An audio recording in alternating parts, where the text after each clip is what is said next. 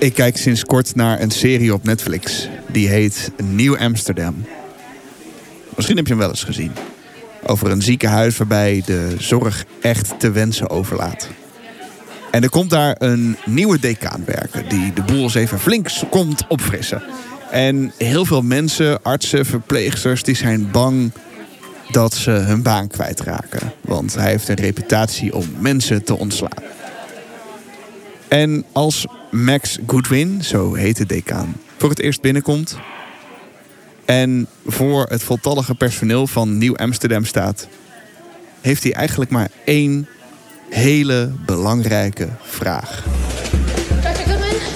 How can I help? How can I help? How can I help? How can I help? Imagine I just said, how can I help in Tuvaluan? How can I help? Shout it out, because I just want to know. Het is zo'n simpele vraag. Hoe kan ik helpen? En toch lijken mensen die heel vaak te vergeten. En dat terwijl, als er ook maar één zintuig werkt, communiceren altijd mogelijk is. En natuurlijk snap ik dat dat spannend kan zijn. Maar zoals mijn gastvrouw van vandaag heel mooi zegt, Vragen aan is sterker dan denken voor. laat die maar even op je inwerken. Want door dat te doen kunnen we elkaar helpen om te voorzien in twee van onze grootste basisbehoeftes. Namelijk meedoen en gewaardeerd worden. Mijn naam is Ferry Molenaar en in deze podcast praat ik met iedereen die me raakt. Ik laat mijn nieuwsgierigheid op hen los, luister naar hun verhaal en praat over wat ze drijft in het leven. Zij krijgen dus bezoek van Ferry. Dankjewel. Het is deze week de Week van de Toegankelijkheid. Een week waar ik altijd wel iets mee wil doen. Het staat altijd op mijn contentkalender. Maar ik heb eigenlijk iedere keer het gevoel dat ik de plank of de stok misla. Daarom dacht ik, ik wil je deze keer iets fundamenteels geven. Toegankelijkheid betekent wat mij betreft namelijk meedoen. De mogelijkheid om mee te kunnen doen. En dat komt hierop neer. Iedereen is anders. Jij bent uniek. Er is niemand zoals jij. En als jij niet communiceert over wat jij nodig hebt, hoe kan een ander dat dan weten? Daarom ga ik vandaag in gesprek met Martine Baderhuizen. Zij is communicatie-expert en helpt mensen door middel van trainingen en workshops sterker in gesprek te gaan rondom hun beperking of de beperking van een ander. Zij doet dat door middel van een persoonlijk communicatieplan of een gezinscommunicatieplan. Hoe praat je over je beperking? Maar ook door bijvoorbeeld werkgevers en collega's door middel van workshops bewust te maken van hoeveel moeite een collega met een beperking moet doen om mee te kunnen blijven doen. Ik hoop oprecht dat je iets hebt aan dit gesprek voor nu, maar vooral in de toekomst. Zo ja, dan help je mij enorm als je deze aflevering deelt met je familie, vrienden en je collega's. Of laat een beoordeling achter in je favoriete podcast app. Nu snel naar Martine. En dan wil ik jou allereerst bedanken dat ik bij jou op bezoek mag komen. Welkom. Dank je. Ehm, ik heb meerdere workshops van jou gevolgd. En één daarvan ging over netwerken. Dat is de laatste. Ja, en toen dacht ik, ik kan nu heel cliché gaan zeggen. hey, stel jezelf even voor. Eigenlijk vind ik het veel leuker. Stel je voor, dit is niet jouw kantoor, maar we zijn op een netwerkbijeenkomst. Hoe stel je jezelf voor? Ehm, dan zeg ik, hey, ik ben eh, Martine. Wie, eh, wie ben jij? En dan zeg ik, ik ben Ferry. En dan zeg ik, wat doe jij voor werk? Nou, als dat goed gaat, dan ga ik eerst wat meer op jou in. Want dat hoort bij netwerken. Want dan kan ik mijn verhaal daar nog wat strakker op afstemmen. Ehm, nou, bof ik dat je een beetje ken. Ehm, Meteen heel goed erin. Ja. Ja. ik ehm, zal hem wat, eh, wat algemener houden. Wat ik voor werk doe. Ik ehm, zorg dat de omgang tussen mensen met en zonder beperking versterkt wordt. En dat doe ik op twee manieren. Ik geef aan de ene kant eh, workshops aan mensen die zelf een aandoening hebben, in de breedste zin van het woord. En help hen om sterker in hun schoenen te staan tegen reacties en vooroordelen uit de omgeving. En ehm, dat doen we door het maken van een persoonlijk communicatieplan. Zoals ieder bedrijf zijn communicatieplan maakt, kan je dat ook als, eh, als persoon of als gezin doen. Mhm. En aan de andere kant, ehm, ja, bijna een totaal andere tak van sport, maar ook een andere doelgroep. Zijn eigenlijk de mensen die minder bekend zijn met beperkingen in hun directe omgeving. Bedrijven die weinig kennis daarvan hebben. Die nemen we mee in een simulatie waarin ze zelf allerlei type beperkingen ervaren. Want aandoeningen kan ik niet simuleren. Uh, maar wel de beperkingen waar mensen tegenaan lopen en wat daarbij komt kijken aan gevoelens. Um, en die simulaties die geven we voor bedrijven, organisaties, uh, overheid. Om een stuk um, bewustwording te creëren en ook um, de mindset te veranderen, waardoor ze zeggen van ja, maar we gaan wel in actie komen voor deze groep, want die moeten gewoon mee kunnen doen. Nou zijn we niet op een netwerkbijeenkomst, maar dan zitten we op je kantoor. Ja. Jij ziet zelf ook niet heel veel. Nee, dat is goed gezegd. Kan je wel omschrijven waar wij zitten? Nou, wij zitten in een, uh, in een kamer van, uh, van ons huis. Die is uh, omgedoopt tot mijn, ja, mijn kantoor. En er wordt hier af en toe ook wel eens door een gezinslid gewerkt. Um, als iemand even rustig huiswerk wil maken. Of um, mijn partner die heeft een thuiswerkdag, dan kan dat ook.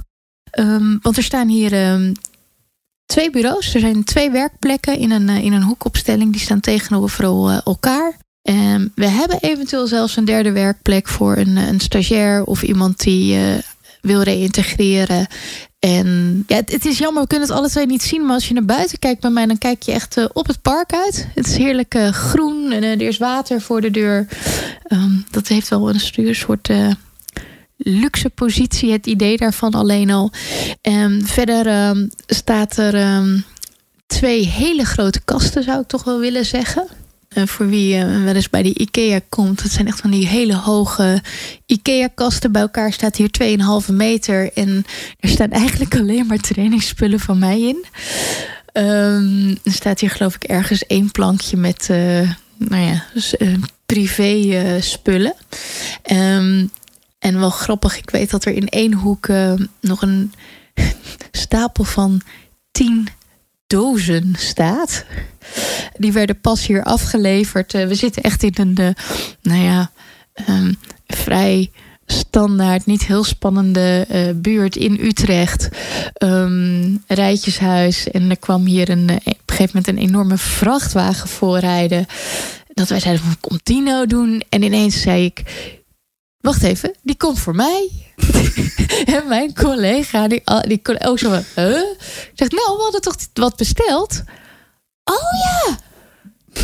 en uh, nou ja, even later ging inderdaad de bel en mijn partner deed open. En wij kwamen van de trap afrennen al, want we zitten op de eerste verdieping.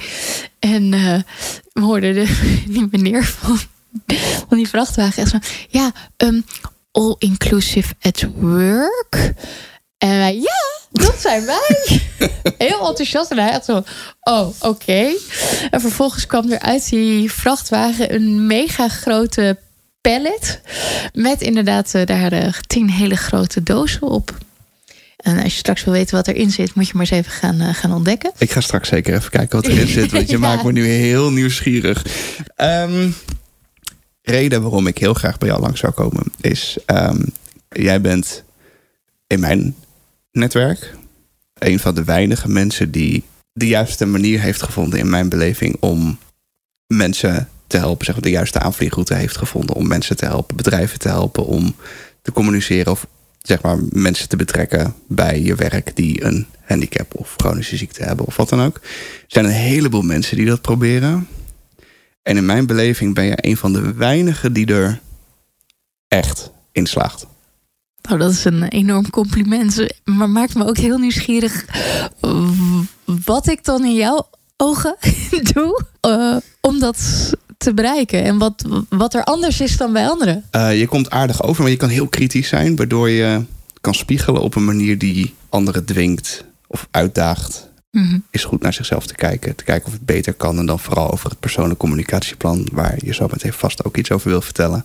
Tuurlijk. Um, maar dat je ook hoe je met anderen omging tijdens die workshop. Dat ik zoiets had van het is heel integer, heel...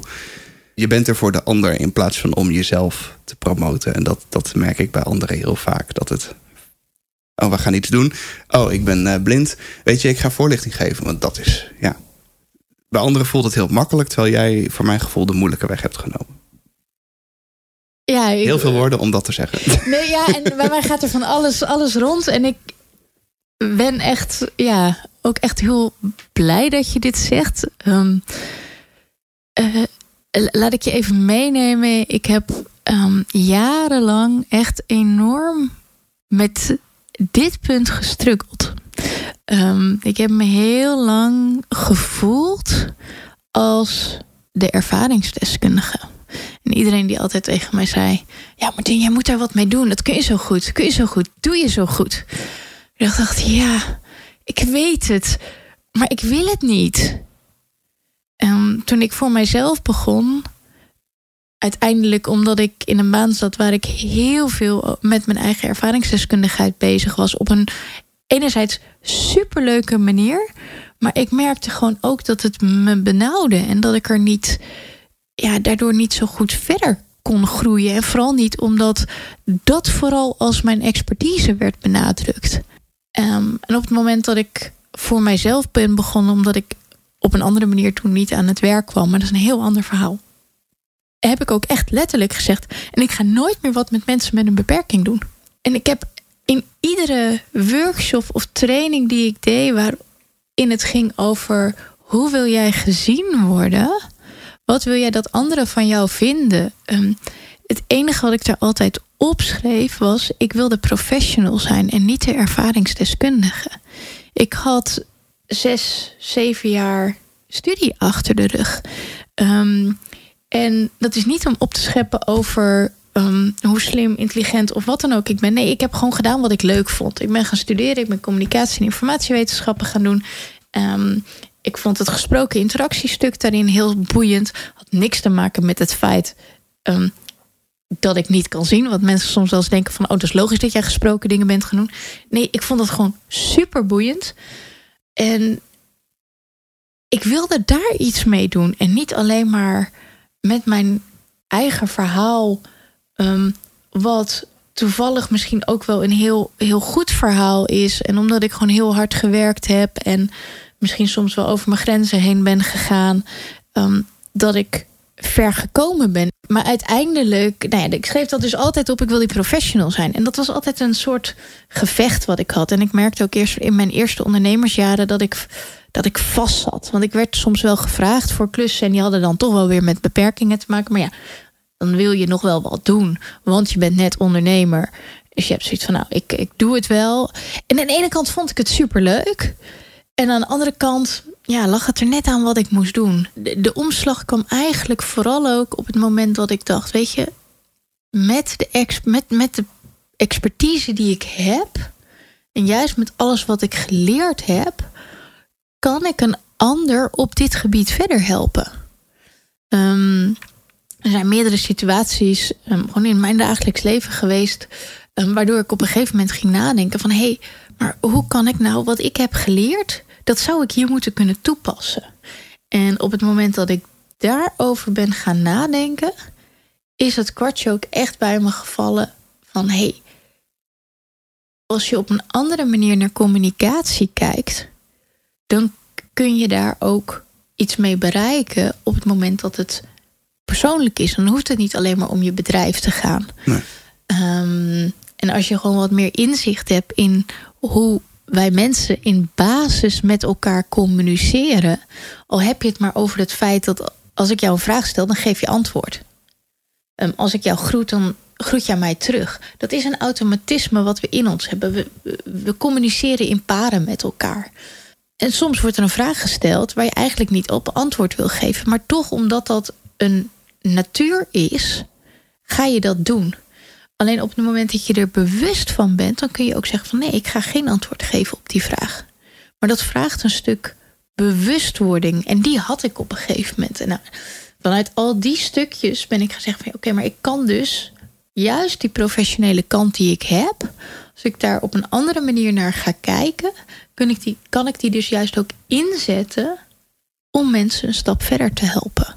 En toen heeft eigenlijk de, de omslag plaatsgevonden. Dat ik ook van. Ja, hier zit ik achter mijn bureau en ik ben ondernemer, maar ja, ik weet het eigenlijk niet. En een opdracht die ik doe, daar word ik eigenlijk ook niet blij van. Dat ik daarna alleen maar dingen ben gaan doen waar ik blij van werd.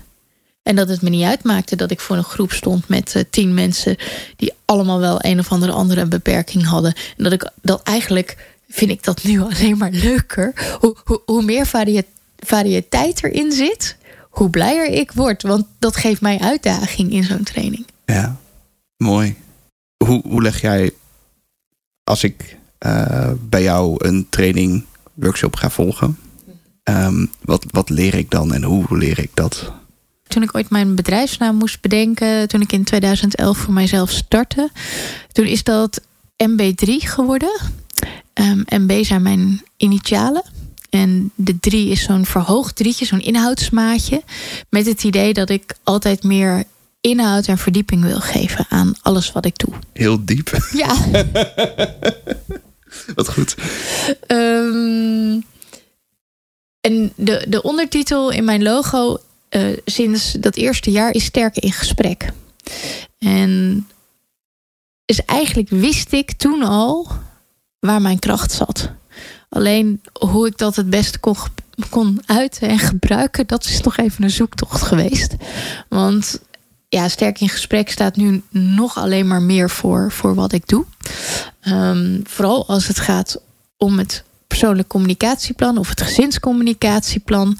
Wat we daarin doen is gaan kijken van hey, wie ben je eigenlijk? Waar wil je voor staan? En hoe wil je heel graag gezien worden?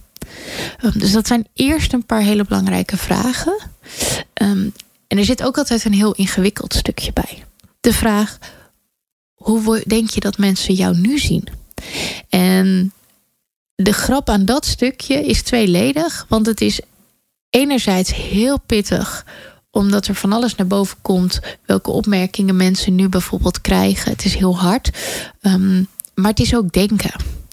En een van mijn uitspraken is: vragen aan is sterker dan denken voor. Want we denken heel veel voor mensen. We vullen het voor ze in. En wanneer je zelf een beperking hebt, dan roep je altijd ja, maar mensen die niks hebben, die vullen voor mij in wat ik wel of niet kan. Dat klopt. Ben ik met deze mensen eens, dat wordt heel vaak gedaan. Maar andersom gebeurt het ook. En de mooiste manier waarop ik dat altijd, altijd naar boven krijg, is de vraag van ja, maar hoe vertellen jullie dan wat je hebt? Um, de een zal zeggen van, uh, nou ja, ik, uh, ik kan niet zo goed horen. De ander roept, nou, ik heb autisme. De ander um, komt met een andere ingewikkelde medische term. Waarop ik altijd heel droog aan die groep vraag. Ik zeg, oké, heb ik een vraag voor jullie. Um, wat zou iemand hebben die een cognitale aneridie met een periodiek alternerende nystagmus heeft? Ik kan me voorstellen dat je even terug wil spoelen nu. en wat voor reactie krijg je dan? Nou, dan zitten ze me allemaal zo heel gapend aan te kijken. Vooral als ik het even de stilte laat vallen. En het, ja, ja, dat weet je eigenlijk niet dan, hè? Maar voor heel veel mensen is dit ja, wel het voorbeeld waarin ze. Ja dat, ja, dat weet je inderdaad niet.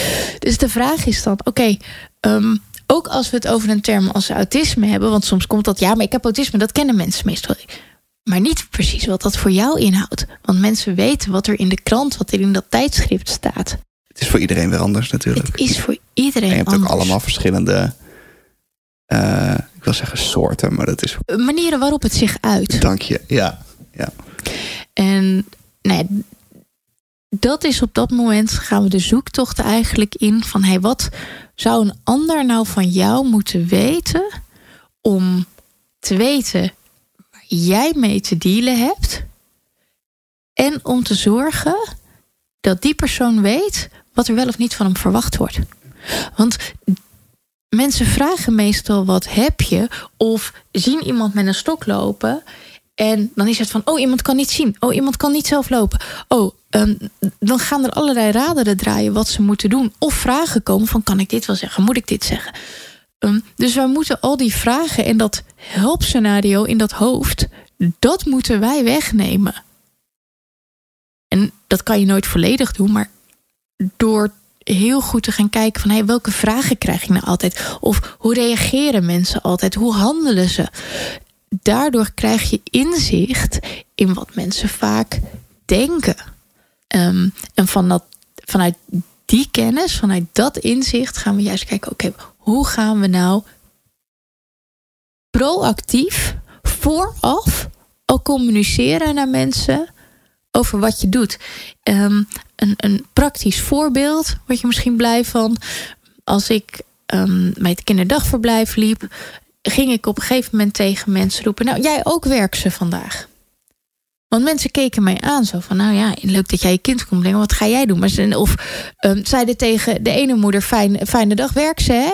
En tegen mij zeiden ze, um, ja, uh, uh, ja fijne dag. En alleen al in die uh, hoorde je de twijfel van, ja, wat kan ik tegen jou zeggen? Maar door mijn opmerking van, jij ook werk ze, um, maakte ik op een hele simpele, hele indirecte manier duidelijk dat ik aan het werk ging. En dan kreeg ik soms op de vraag van... oh, ga je aan het werk? Nou ja, dat was bevestiging van mijn...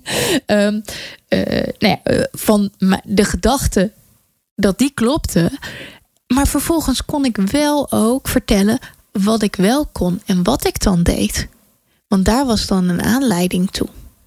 Wat jij daar dan, wat, wat doet dat met jou dan? Als je dan, wat je dan blij omdat je uh, een lans hebt gebroken? Of is het een frustratie? Of ja, hoe ervaar je dat? Um, nou, dat ligt ook een beetje hoe ik die dag in mijn vel zit. Um, en waar het om gaat. Um, maar in dit, ge in, in, in, dit specifieke geval was ik blij. Want ik kreeg de kans om te laten zien wie er achter mijn handicap zit. En dan weet je vanzelf wel dat dat verder op zijn beloop gaat. Um, en tuurlijk is het niet fijn om even die bevestiging te krijgen van hey, dit is dus inderdaad de gedachte. Aan de andere kant geeft het je de ruimte, en zo zie ik het vooral, om even die mindset te veranderen bij die ander en, en, en te laten zien wat er wel kan. Um, ik zie het altijd als een spel. En zo komt het op mij over als je het vertelt. Je vertelt het lachend. Ik denk, ja, ik kan me situaties bij mezelf herinneren waarbij ik dan weet dat er een stukje frustratie komt. Dat ik denk, oh, heb je er weer een. Terwijl dat vind ik juist leuker bij jou. Is dat, dat als jij het vertelt, dan denk ik, oh ja, het kan ook heel leuk zijn. dat is. Um, maar ja. dat werd, wordt een, werd een beetje mijn insteek, hè? Om als het dan niet zo oké okay was, om dan het spel werd om op een leuke manier aardig duidelijk te maken of iemand een tip te geven voor de volgende keer. Ja, en je houdt het gelijkwaardig. Ja, dat denk ik wel. Um, uh, andere situatie die ik vaak ook als voorbeeld gebruik is dat ik uh, met mijn dochter in de kinderwagen buiten liep. Echt nog, nog piepjong, hè? net uh, twee weken oud. Dan krijg je meestal nog de felicitaties. En dan eh, nu kwam ik iemand tegen en dan meerdere keren. Op een gegeven moment iemand stil en dan hoor je iemand zo in die wagen kijken. Heeft zij dat nou ook? Ja, en de eerste keer uh, nee, ga je antwoord geven. En op een gegeven moment dacht ik, waarom doe ik dit? Dit is een van die momenten waarop ik begon te bedenken... wat heb ik geleerd wat ik hiermee kan doen? Want dit vind ik dus niet leuk. Ja. Wat, wat vind je er dan niet leuk aan? Um, nou ja, waarom is dat blijkbaar belangrijker? En wat maakt het uit? Op het moment dat ik ja zeg, wat betekent dat dan en wat denk je dan? En als ik nee zeg, wat denk jij dan? Heb je dan een opluchting? Als ik nee zeg, ze heeft het niet. En als ik zeg ja, eh, ben ik dan strafbaar? Dat is een beetje het gevoel wat je gaat krijgen. Door de manier waarop mensen het vragen. En beide is in mijn ogen niet waar. Weet je, dat is een, nou ja, ik weet niet, zo'n keuze is die, die wij maken. Um, maar dat ligt, die vraag ligt bij ons. En net als dat ik niet um, minder waardig ben doordat ik niet kan zien, um, zou mijn kind, als ze dat zou hebben, ook niet minder waardig zijn. En tuurlijk kan dat vervelend. Is dat vervelend?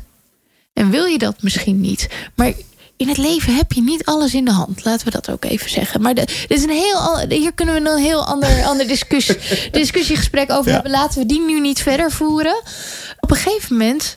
Um, want ik had zoiets van: hoe kan ik mensen nou. Ik wil hier eigenlijk twee dingen doen. Ik wil mensen duidelijk maken dat het eigenlijk een onbehoorlijke vraag is.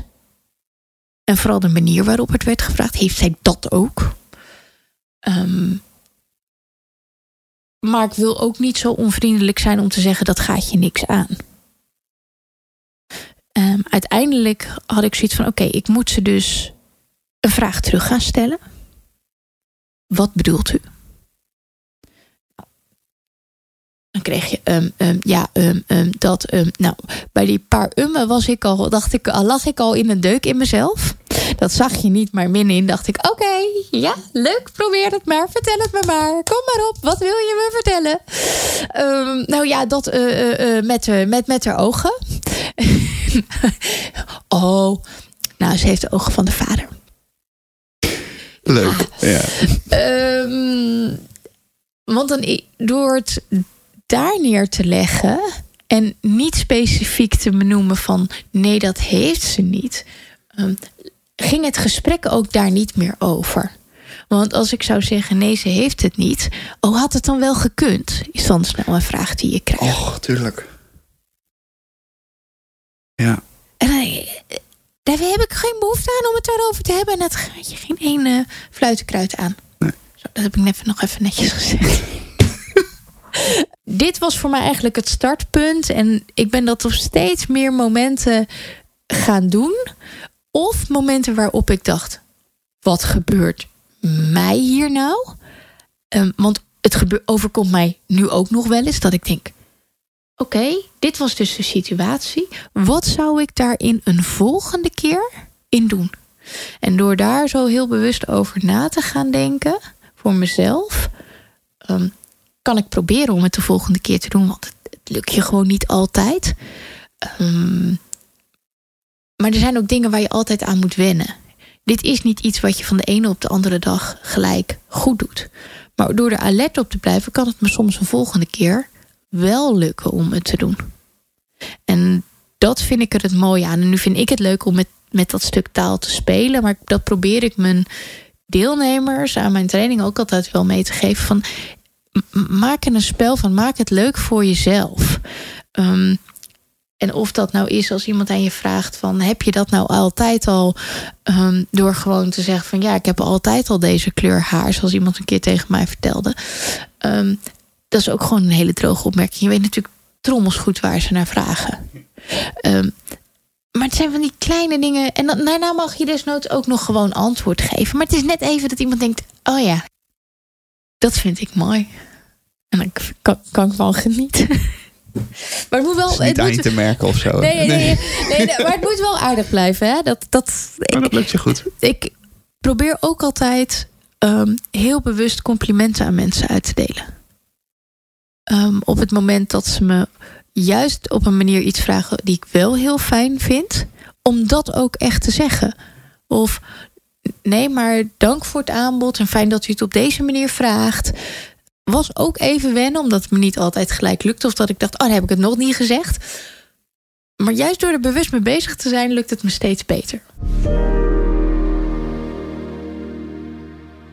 Waar het vandaan? Waardoor laat jij je sturen? Waardoor laat jij je inspireren om te vragen wat dat is? Ik denk dat dat toch ook wel komt door juist het stukje professionele kennis wat ik heb. Waarin ik dus weet dat het kan werken om dat patroon te doorbreken. Dus juist om die vraag terug te gaan stellen. Um, en dat daar dan net dat, dat pittige stukje, ja. Heel veel mee bezig zijn. En in trainingen ben je in gesprek. Komt er wel eens. Um, komt ook wel eens een andere deelnemer met een goede optie. Um, wat niet zegt dat ik die optie één op één overneem. Soms wel, soms zijn het hele goede ideeën. Ehm, maar een andere keer kan het me wel inspireren om een andere keer iemand anders net even een andere tip mee te geven. Misschien moet keer een boek schrijven. Duizend en één antwoorden op De meest gestelde vragen. ja, wie weet. Ja, die overweeg ik nog eventjes. Uh, ik ben al met bijna een soort boekwerk bezig, maar dan online. Um, juist om um, mensen die al deze vragen vaak uit onwetendheid stellen en die heel on, ja, twijfelen over wat ze wel of niet kunnen vragen. Um, wat ik ook heel goed begrijp, hè? juist omdat je het niet weet, kan, kan je je ook heel onzeker gaan voelen.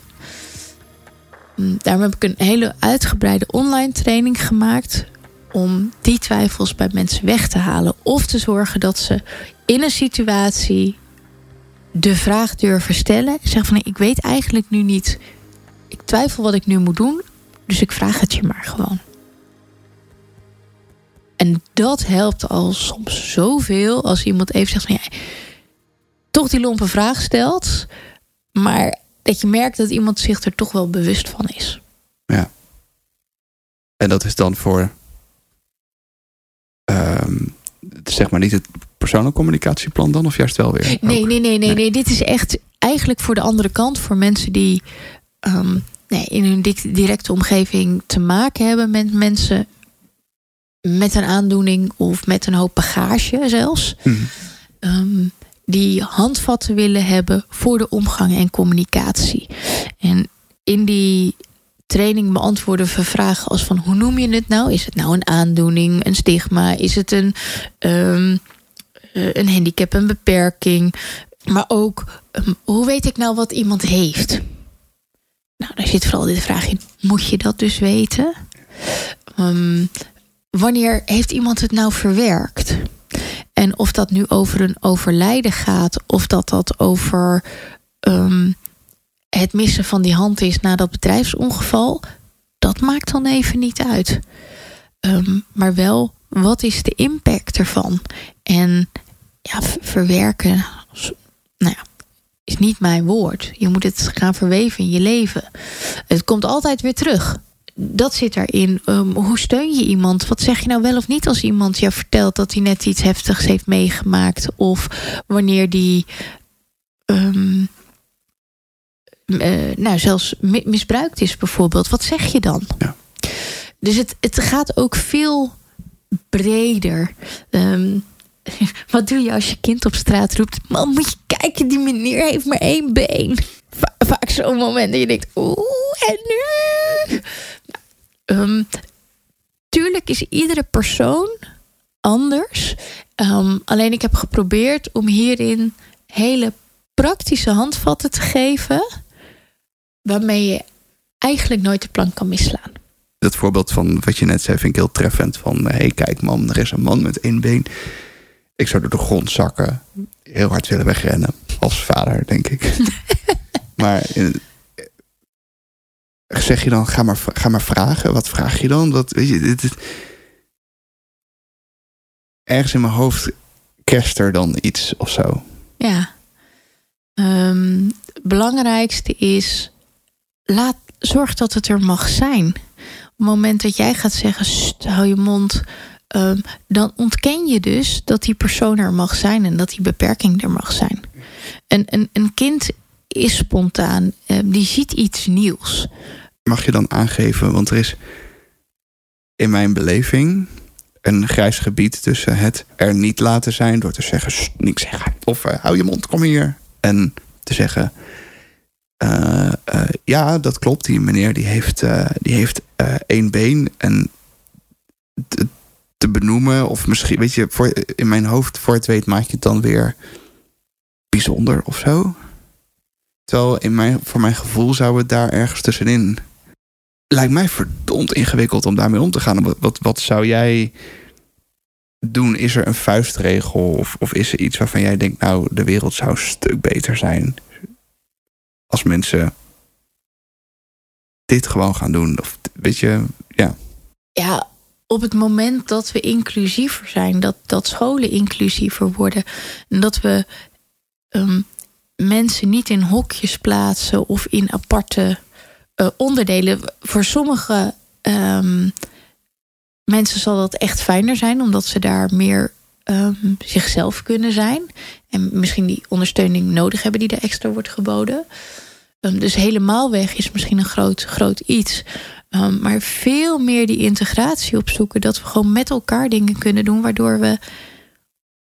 Waardoor je van jongs af aan al ziet dat er mensen zijn die allemaal net even anders in elkaar zitten. Um, en dat het niet uitmaakt of je um, een, een, een been mist, um, je brein wat anders werkt, je niet zo goed tegen drukte kan, of dat jouw uh, rekenvaardigheid niet goed is, of dat je minder kan zien of minder kan horen. Maar dat je uiteindelijk allemaal dezelfde dingen kunt doen, maar misschien net even op een andere manier. En wanneer je dat van jongs af aan meekrijgt, dan wordt het later ook normaal. En sta je niet meer van alles te kijken en zeg je hoogstens tegen iemand: Oh, nou, ik zie dat jij een been mist.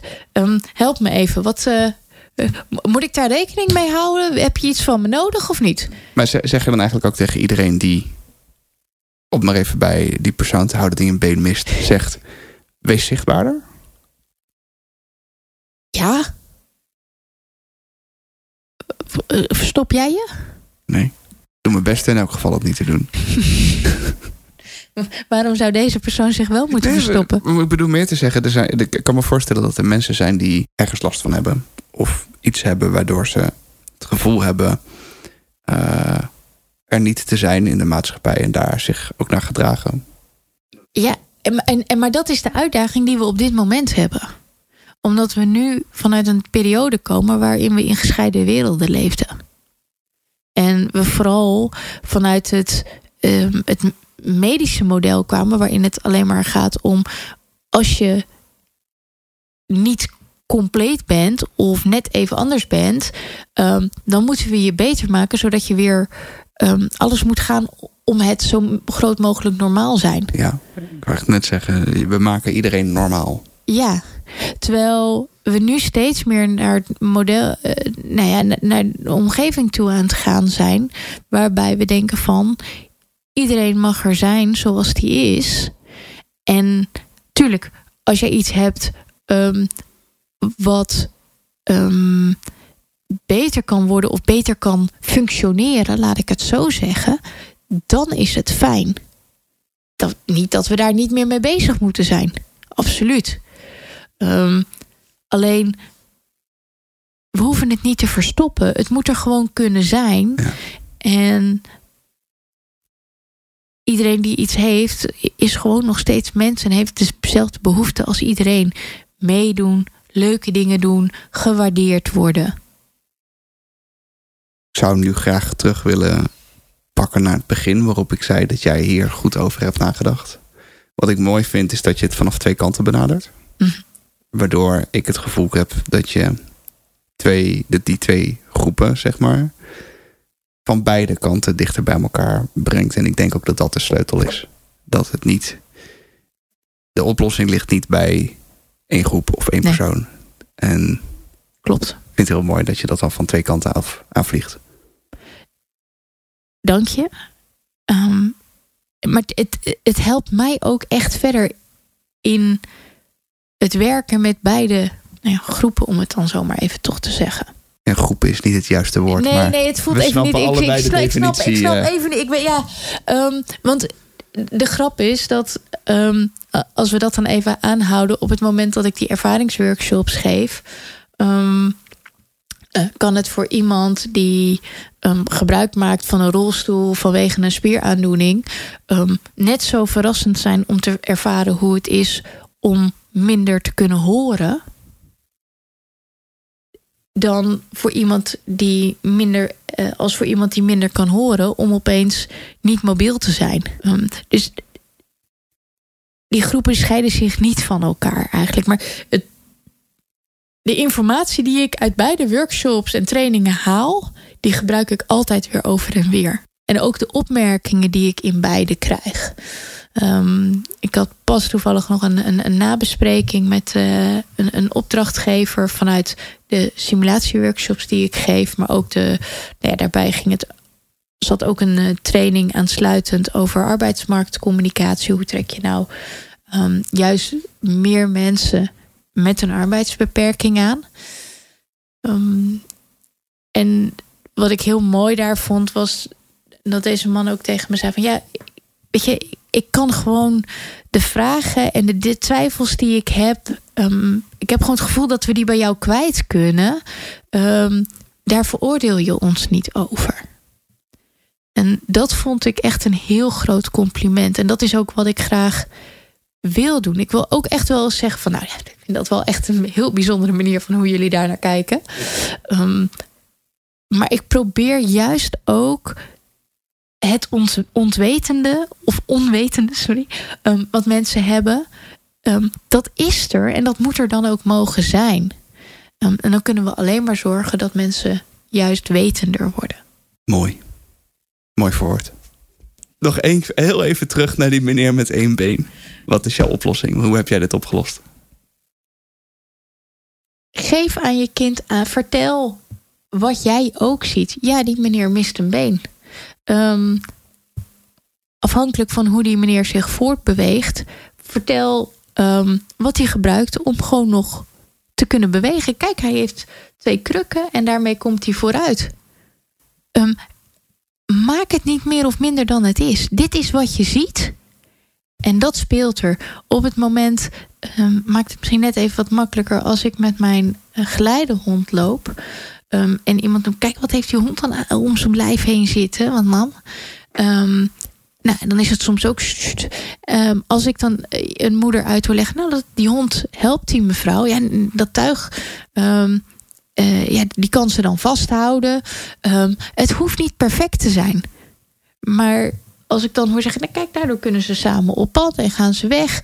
Um, dan benader je het op een positieve manier. In plaats van, ja, nee, dat is heel erg, want die meneer en mevrouw kan niet zien. Nee, ik kan gewoon mijn dingen doen. Ik doe dat alleen anders. Die hond die helpt me daarbij. Nou, dat vind ik de positieve manier van benaderen. Laat het er gewoon zijn. En iemand pakt de dingen op een andere manier op. En als je nou wat ouder kind hebt, wat dan nieuwsgierig gaat zijn van hé, hey, maar hoe kun je dat? Oh ja, maar hoe kun je dan lopen? Hoe kun je dan dit doen? Um, er komen soms de raarste vragen in ze op. Um, ja, dan is het de vraag in welke situatie ben je? Ben je in de gelegenheid om iemand te zeggen, nou, ik heb hier een heel nieuwsgierig kind. Zou die wat mogen vragen? Komt dat uit? Of, of is dat iets wat u vervelend vindt? Um, juist die open vraag stellen dat geeft iemand en iemand ook echt de ruimte geven om nee te mogen zeggen. En als, die, als iemand zegt nee, het komt me nu niet uit, of nee, dat, daar wil ik het niet over hebben. Laat die keuze bij iemand. Word daar niet boos om. En ga thuis met je kind op YouTube zitten zoeken naar filmpjes waar mensen ook vaak laten zien hoe ze dingen oplossen en aanpakken. En dat laat... is natuurlijk wel het fijne van deze tijd, ja. Ja, en laat daarmee zien wat er wel kan. Maar dat je dus niet alleen mensen hebt maar, met maar één been, maar ook mensen hebt die maar één arm hebben of, of uh, helemaal geen arm hebben. Ik heb uh, thuis um, met mijn kinderen ook wel eens filmpjes zitten kijken van een mevrouw die liet zien hoe ze met haar voeten een boterham met pindakaas ging smeren. Nou, dat vonden ze fantastisch en gingen ze daarna oefenen. Um, ja, ik vind dat niet erg. laat ze daar maar op deze manier mee bezig zijn. En zien van, hé, hey, dat is best ingewikkeld, maar het kan wel. En vooral als je dat veel oefent, dan wordt dat normaal voor je. En dat is dus eigenlijk best wel stoer dat iemand dat kan. En als het een kind is, Laat die kinderen naar elkaar toe gaan. Vraag maar of die met je komt spelen. En, hoe, en vraag maar hoe jullie kunnen spelen. En dat is niet zielig. Maak het vooral alsjeblieft niet zielig. Heb jij nog vragen aan mij? Wil je nog weten wat er in die doos zit? Eigenlijk wel. Deze ga ik je eerst geven. Dit is eigenlijk wat er in al die dozen zit, maar dan in oh, uh, 500 uh, stuks. Oh, hier heb jij wel eens over verteld, denk ik. Is dit wat ik denk dat het is? Um, ik, ik vermoed het. Is dit de, schijnt, is dit de broodtrommel? Dat is uh, de broodtrommel, ja. Waar, de broodtrommel waarom ik bekend sta. Alleen dat is een lege variant. Ja. En ik heb hier een volle variant voor je. Oeh, dank je. Die, die mag je meenemen. Die andere mag je hier achterlaten. Cool. Ik ga hem openmaken. En er zit in een kaartje. Nou, dat is een eh, verwijzing naar de website. staat een foto op van, eh, van de workshop. Waar we in de keuken aan het werk zijn. eh, en waar je mensen allemaal met interessante materialen om hun heen ziet. Ik heb lunch.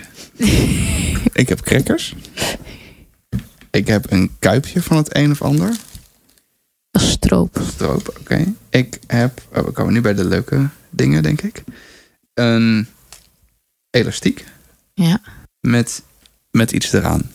Dat is een klemmetje. Ben jij links of rechtshandig? Ik ben rechtshandig. Nou, dan moet je dat- in principe basis dat elastiek om je rechterpols doen. En dan kun je dat klemmetje kun je ergens aan de zijkant van, eh, van je broek of zo binden. Zodat je die hand in ieder geval niet Oh, kan een gebruiken. Oh, wat. Dus je mag hem ook gewoon niet gebruiken. Maar dat is het idee erachter. Ik vraag me af hoe ik dan naar huis kom als ik dat ga doen. En, en met een stok en het ding erom. Oh, ik wil hier. Ik, ik, ik, En dan mag, jij die, mag je die toastjes smeren. Maar dat mag je ook thuis proberen hoor. Maar dat is in ieder geval het idee erachter. En we, we hebben deze dus in drie varianten. Je kan er ook oordopjes in tegenkomen. Of een eh, kartonnen brilletje met twee hele kleine gaatjes erin. Toch jammer dat je me die niet gegeven hebt. Ja. ik dacht, goh, laat ik het toch wat uitdagend maken voor je. Ja. En eh, nee, de- deze ehm, mini-ervaring, zoals wij inmiddels noemen, heb ik eigenlijk ontwikkeld ehm, op het moment dat ik een, eh, een challenge eh, voor mijn neus had. Waarbij de vraag was: hoe gaan we zorgen dat we mensen met een beperking aan het werk krijgen of kunnen houden? Ehm, lang verhaal kort eh, heb ik toen gezegd: dat moeten we niet gaan richten op mensen die een beperking hebben, om daar van alles weer ehm, bij te veranderen. Maar laten we nu eens iets ontwikkelen, juist voor de werkgevers, waardoor we de mindset kunnen veranderen. En hoe kunnen we dat doen? Ehm, dat kunnen we doen door de simulaties. Wat gebeurt er als je minder kan zien en je werkt in een team en niemand ehm, betrekt jou? Niemand eh, geeft jou bepaalde taken. Ehm, dan, heb je, dan, dan kom je niet mee omdat je geen overzicht hebt wat er gebeurt. Ja. Bijvoorbeeld. Ehm, dat gebeurt wel in de simulaties. En de eerste simulatie die ik daarvoor heb bedacht, is dat we de keuken ingaan met een hele groep eh, directeuren, bijvoorbeeld, of managers. Ehm, en die, eh, nee, die gaan met elkaar koken. Met allerlei attributen, beperkingen. ehm, nou ja, we hadden het er net al over. Er- Daar kunnen we nog wel een hele podcast over maken.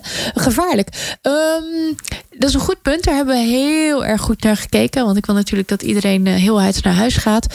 Ehm, wij koken zonder heet water, zonder elektrische apparaten. En als ze wel nodig zijn, we hebben bijvoorbeeld wel eens een quiche gemaakt. Die bereidt iedereen voor en onze chef zorgt dat hij in de oven gaat. Verstandig. We hebben altijd iemand erbij. En dat Ja. maakt het ook wel weer leuk. Hè? Vooral, we werken nu met één chef samen. En zij heeft heel veel ervaring ehm, in verzorgingstehuizen. Ziet heel erg hoe de bejegening daar is. En kan dat soms echt even meenemen in hoe ze naar de deelnemers kijkt. En ehm, dat wij zelfs nu tegen de deelnemers zeggen... oké, ehm, er zit hier af en toe... eh, we hebben ook een half. Onze chef is ook een halve trainingsacteur. Onthoud dat even. Ehm, want de eerste keer dat dit gebeurde, ehm, zaten mensen elkaar echt aan te kijken van dat mens. Dat, dat kan niet hoor, wat ze doet. Ehm, en eigenlijk deze dingen, die dus in de praktijk echt gebeuren. Hè, zeg tegen iemand die met, nou ja, toevallig even dan die bril op staat. Ehm, jij wil gaan snijden met een mes? Nee, doe jij dat dan maar niet hoor. Dat is gevaarlijk. Of ik geef, pak dit bij het mes maar. Dat is niet zo scherp. Dat zijn dingen die in de praktijk ook gebeuren. Ja, ik En herken ze enorm. dat gevoel wat daarbij komt kijken, dat willen we vooral mensen meegeven. Ehm, en door te gaan koken, dat is iets wat iedereen eigenlijk wel kan. Vooral ehm, zonder dat je in de pan eh, en, en ingewikkelde dingen gaat doen. Ehm, kun je dus ook ervaren dat als je er wat langer mee bezig bent, dat het wat makkelijker gaat. En dat je dat best ook kan doen als je minder kan zien. Mits je betrokken wordt bij het hele systeem. Ja, En iemand je je recept even voorleest. Nee, allemaal van die kleine dingetjes. ehm, dat vinden wij belangrijk om te laten ervaren en niet de rest. Nou ja, en dit was, ehm, ik heb meegedaan aan een wedstrijd uh, om een startbedrag uh, te winnen. Die heb ik uiteindelijk ook gewonnen. Maar dit, ik had toen een broodtrommel bedacht waarin eigenlijk zo'n mini-ervaring zat. Om te laten zien van nou, hier gaan we ongeveer mee uh, aan de slag. En die is erin gebleven, want die vindt iedereen zo leuk. Ja, ik ben ook echt heel blij dat ik hem heb. ik vind het wel weer stoer. En nou, een soort van typisch jou. Zoals je bij de eerste vraag over... stel je voor je bent op een netwerkbijeenkomst. Hoe stel je jezelf voor? Hoe je, heb je nog een vraag aan mij? Fantastisch goed omdraait. en nog even je andere bedrijf pitcht. Ja. dat was eigenlijk niet zo bewust, maar... Ik vind het wel heel leuk. Wil je ook sterker in gesprek? Of wil je meer weten over het persoonlijk communicatieplan of het gezinscommunicatieplan? Ga dan naar ferrybezoekt.nl slash Martine. Hier vind je de links naar haar website en haar social media kanalen. Volgende week gaat mijn buurvrouw Sandra op bezoek bij Brenda. Alles lijkt grijpbaar, alles lijkt dichtbij. Geen zorgen over morgen,